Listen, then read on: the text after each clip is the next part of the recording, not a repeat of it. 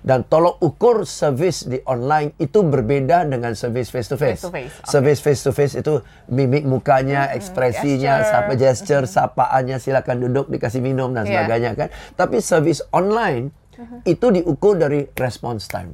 Respon. Oke, saya tanya dia respon berapa lama nih? Kalau saya tanya sesuatu kan misalnya Anda jual handuk online, saya tanya tentang handuk ini bahannya apa dan sebagainya. Responnya besok pagi. Udah lewat itu. Baik deh, cari yang lain gitu ya. Udah lewat itu, betul kan? Tapi kalau responnya di bawah 15 menit masih bagus ra- ratingnya, betul. Yes. So uh, res, servis semata-mata perlu, tapi wujud dari servisnya, bentuk dari servisnya tergantung jenis usahanya, tergantung uh, pre-sales atau after sales dan juga tergantung the nature of how we deal with our customers kan. Nah, itu yang harus kita tahu. Tapi yang saya mau definekan adalah banyak orang bilang servis harus memuaskan. Iya. Ya, memuaskan pelanggan. Justru itu keliru. Smart Business. Small Listeners, mungkin kita semua familiar ya dengan istilah pelanggan adalah raja. Mungkin kita ingin sekali diservis, dilayani dengan baik gitu ya oleh toko-toko ataupun mungkin bisnis yang kita beli barang ataupun jasanya. Dan sebenarnya untuk Anda para pebisnis ataupun pengusaha, servis seperti apa sih yang harus kita berikan gitu ya? Apakah yang memang eh, sangat ramah atau justru yang sangat baik gitu ya dengan memberikan diskon-diskon. Hari ini kita akan membahasnya secara tuntas dalam podcast Smart Business. Seperti biasa ada Audrey Joana dan kali ini kita sudah kehadiran Mr. Jansky. Hai, Pak hai Audrey. Hai Smart Listeners, kita jumpa lagi. Yes, jumpa lagi dengan topik yang pastinya ini sangat menarik untuk Yes. bisnis dan juga pengusaha. Sangat. Importance of customer service Yes. ya. Kalau sekarang rasanya anak-anak eh, generasi milenial, Gen Z ini sangat aware gitu. Kalau belanja, kalau shopping gitu, Yeah. pengennya servisnya yang luar biasa. Kalau Yeah. enggak buy atau mungkin bikin review yang jelek gitu di sosial Yes, media yeah, itu gitu dia, ya. right. Gimana tuh Pak James melihat fenomena ini? Nah, uh, servis sepanjang masa itu perlu lah, perlu ya. Cuma wujud dari servis itu udah berbeda. Oke. Oke, ya. Nah, first of all, yang dimaksud dengan service itu apa? Kita define dulu ya, Yes. supaya kita kotak-kotakkan dulu baru kita bisa tentukan strategi kan. Satu adalah pre-sale service ya. Pre-sales. Pelayanan yang bagus menjelang orang beli. Supaya dengan pelayanan yang bagus mendukunglah mem- mempercepatkan buat orang lebih berkenan mau beli. Okay, so pre-sale service. Satu lagi adalah service yang orang sudah beli. Oke. Itu after sale After service. sales, aha. Okay, after sale service ya. Nah, pelayanan yang kita berikan sebelum orang beli itu adalah tujuan supaya dia beli Ya. pelayanan yang kita berikan setelah dia sudah beli, misalnya dia setelah beli terus ada masalah dengan ini atau masalah dengan itu, pelayanan supaya uh, dia nggak menyesal dia beli dari kita dan juga dia experience sesuatu yang positif Oke. sehingga kalau besok-besok dia mau beli dia beli lagi dari kita, Yes, repeat order. repeat order. Okay, so one is the order and the other one is the repeat order. Ataupun kalau tidak repeat order misalnya beli mobil kan jarang repeat order tuh ya. Dia ya kenalin ke saudaranya Mempromosikan gitu ya. promosikan itulah ya. So ada pre-sale service dan ada after sale service oke dua. Nah service itu sangat tergantung jenis usaha kita. Kadang-kadang ada jenis usaha ataupun jasa di mana kita bisa melayani orang face to face. Yes. orang datang ke toko Oke. ya dan sebagainya tapi ada juga like you said ya uh, sekarang orang banyak belanja online Ya. dan tolok ukur servis di online itu berbeda dengan servis face to face. Face to face, oke. Servis face to face itu mimik mukanya, ekspresinya, gesture. sapa gesture, sapaannya silakan duduk dikasih minum dan Iya. sebagainya kan. Tapi servis online itu diukur dari response time. Respon. Oke, saya tanya dia respon berapa lama nih? Kalau saya tanya sesuatu kan misalnya Anda jual handuk online, saya tanya tentang handuk ini bahannya apa dan sebagainya. Responnya besok pagi. Udah lewat itu. Baik deh, cari yang lain gitu ya. Udah lewat itu, betul kan? Tapi kalau responnya di bawah 15 menit masih bagus ra- ratingnya, betul. Yes. So uh, res, service semata-mata perlu, tapi wujud dari servisnya, bentuk dari servisnya tergantung jenis usahanya, tergantung uh, pre-sales atau after sales dan juga tergantung the nature of how we deal with our customers kan. Nah, itu yang harus kita tahu. Tapi yang saya mau definekan adalah banyak orang bilang service harus memuaskan. Iya. Ya, memuaskan pelanggan. Justru itu keliru. Oh, Apa tuh yang benar jadi Pak? Kalau saya memuaskan Anda, Hah? Itu kewajiban saya loh. Oke, ya. Misalnya nih, misalnya nih, uh, kita masuk ke bank, ada orang bukakan pintu, Ya. ada orang sapa selamat pagi bu, ya, ada bisa saya bantu, oh silakan di counter ini bu, ya, Yes. dan tellernya pun selamat pagi bu, ya, dan itu, itu service excellence kah? Itu enggak kan ya? Itu hanya ramah tamah kan? Ya, ya, ya. I mean that's just being polite, right? yes. That's just being courteous kan? Is that excellent service? No. We even tell our children, ini tante, panggil tante tuh. Panggil tante. Tante, apakah itu service excellence? Enggak juga juga, sih. ya. Oke, jadi service excellence bukan sapaan, ramah sama pelanggan, itu kewajiban. Ya. Service excellence adalah beri kepada pelanggan bukan apa yang dia expect. Tapi service excellence adalah beri kepada pelanggan apa yang dia tidak expect. Yang dia butuhkan. Dia butuhkan, dia tidak expect dan bilang, wow, keren ya. Iya, iya. Misalnya ke bank Oke. disapa normal, tapi begitu ke bank ini silakan bu ada coffee machine minum ambil sendiri, mau cappuccino mau espresso, wih, Ada juga ya gitu wih, ya. ah, wih, that- that's beyond Yes. our expectation, Oke, betul kan? iya, iya. Nah kita beli barang ya kita pulang kalau nggak ada komplain kita nggak telepon toko, kita beli kulkas, kita beli televisi, kita beli AC, beli ya beli selesai kan? Iya. Pernah nggak Audrey beli te- televisi di satu toko elektronik? Seminggu kemudian orang toko elektronik itu telepon, Ibu Audrey, gimana Bu TV-nya masih bagus? Uh, semua tersambung dengan baik? Ibu perlu apa-apa? Oh enggak, jadi ada apa-apa mas? Enggak, saya hanya telepon to make sure everything is fine. Your installation went well and you are enjoying the television. Oh wow, thank you, thank you. Pernah nggak dalam sejarah kita beli televisi, kita beli home theater, kita beli AC, kita beli kulkas, orang yang jual itu nelpon kita to find out Are you enjoying what you are using? Beli sepatu pernah nggak toko sepatu tanya, Bu, beli sepatu, pakai sepatu ini sudah pakai nggak? Nyaman nggak, Bu? Perlu di style apa-apa nggak? Is there anything I can do to help you? Never. So where's the service excellence? Ya, ya, ya. Nggak ada kan? Jadi hala, semata-mata pengen duit kita aja sih. Iya. Setelah Setelah sudah beli kan hilang. Ya.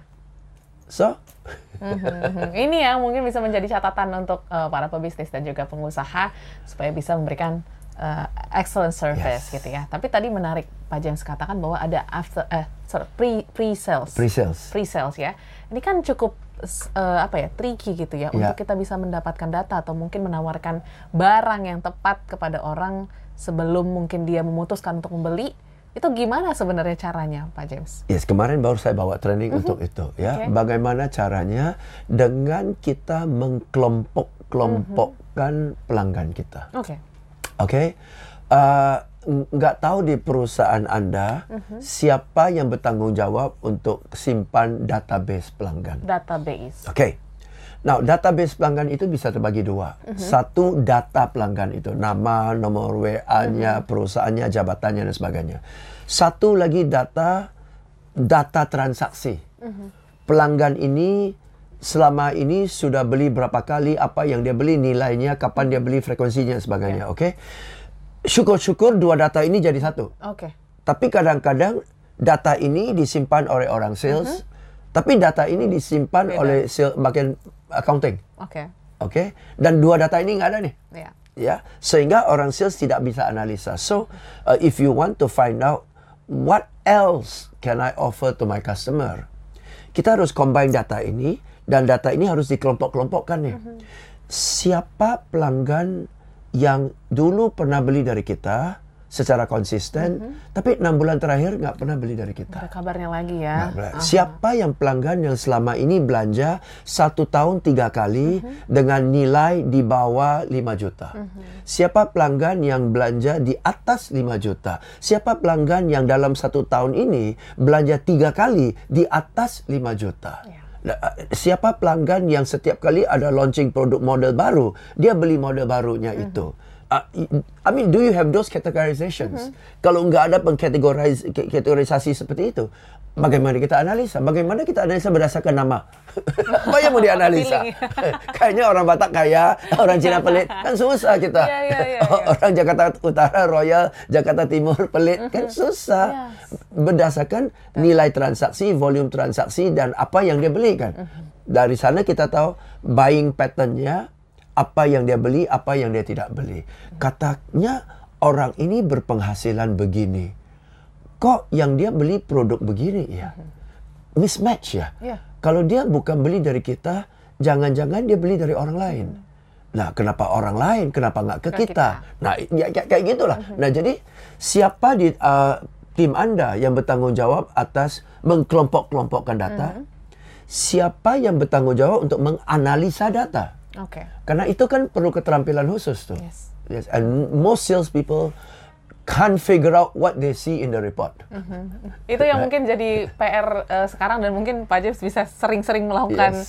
workshop ataupun mungkin seminar tentang hal ini karena ini Yes. sangat dibutuhkan kan kita kadang udah kaya datanya cuma nggak bisa ngolahnya. Betul. Itu yang sayang Iya. sekali ya. Nggak bisa ngolah, nggak bisa lihat opportunity dari Iya, data itu. Benar, Iya. nggak bisa lebih detail melihat peluang yang ada.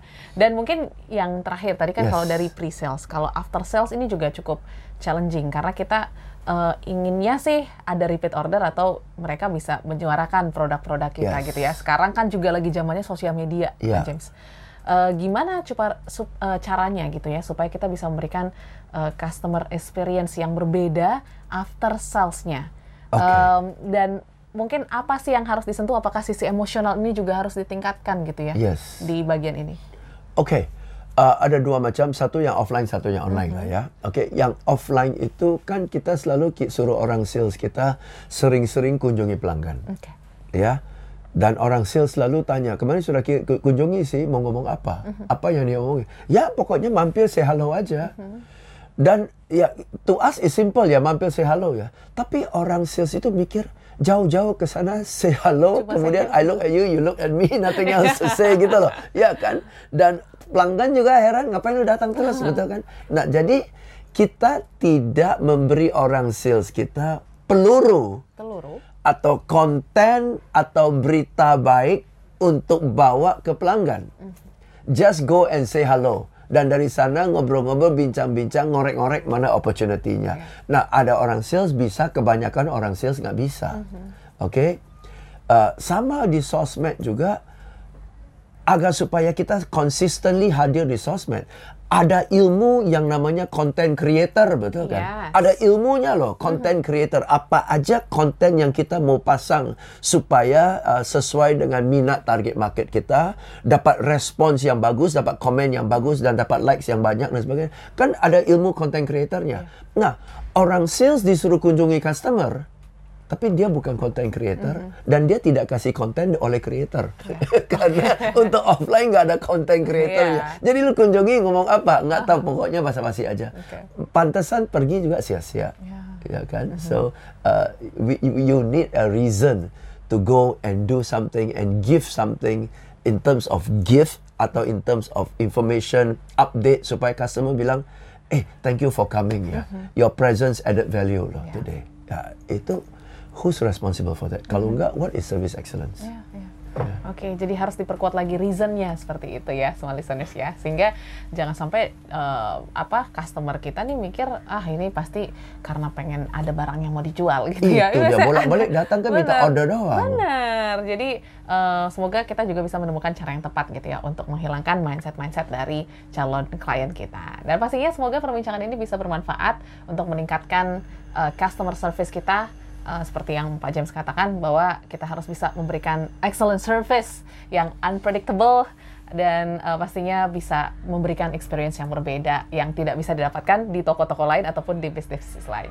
Kalau begitu terima kasih Pak James sehat Thanks, selalu Audrey. sampai kita ketemu di episode berikutnya dan semua listeners jangan lupa ya untuk follow Instagram kami di @radiosmartfm959 dan juga subscribe channel YouTube kami dan juga follow akun Spotify kami. Sampai jumpa di episode berikutnya. Smart Business. Lead you better.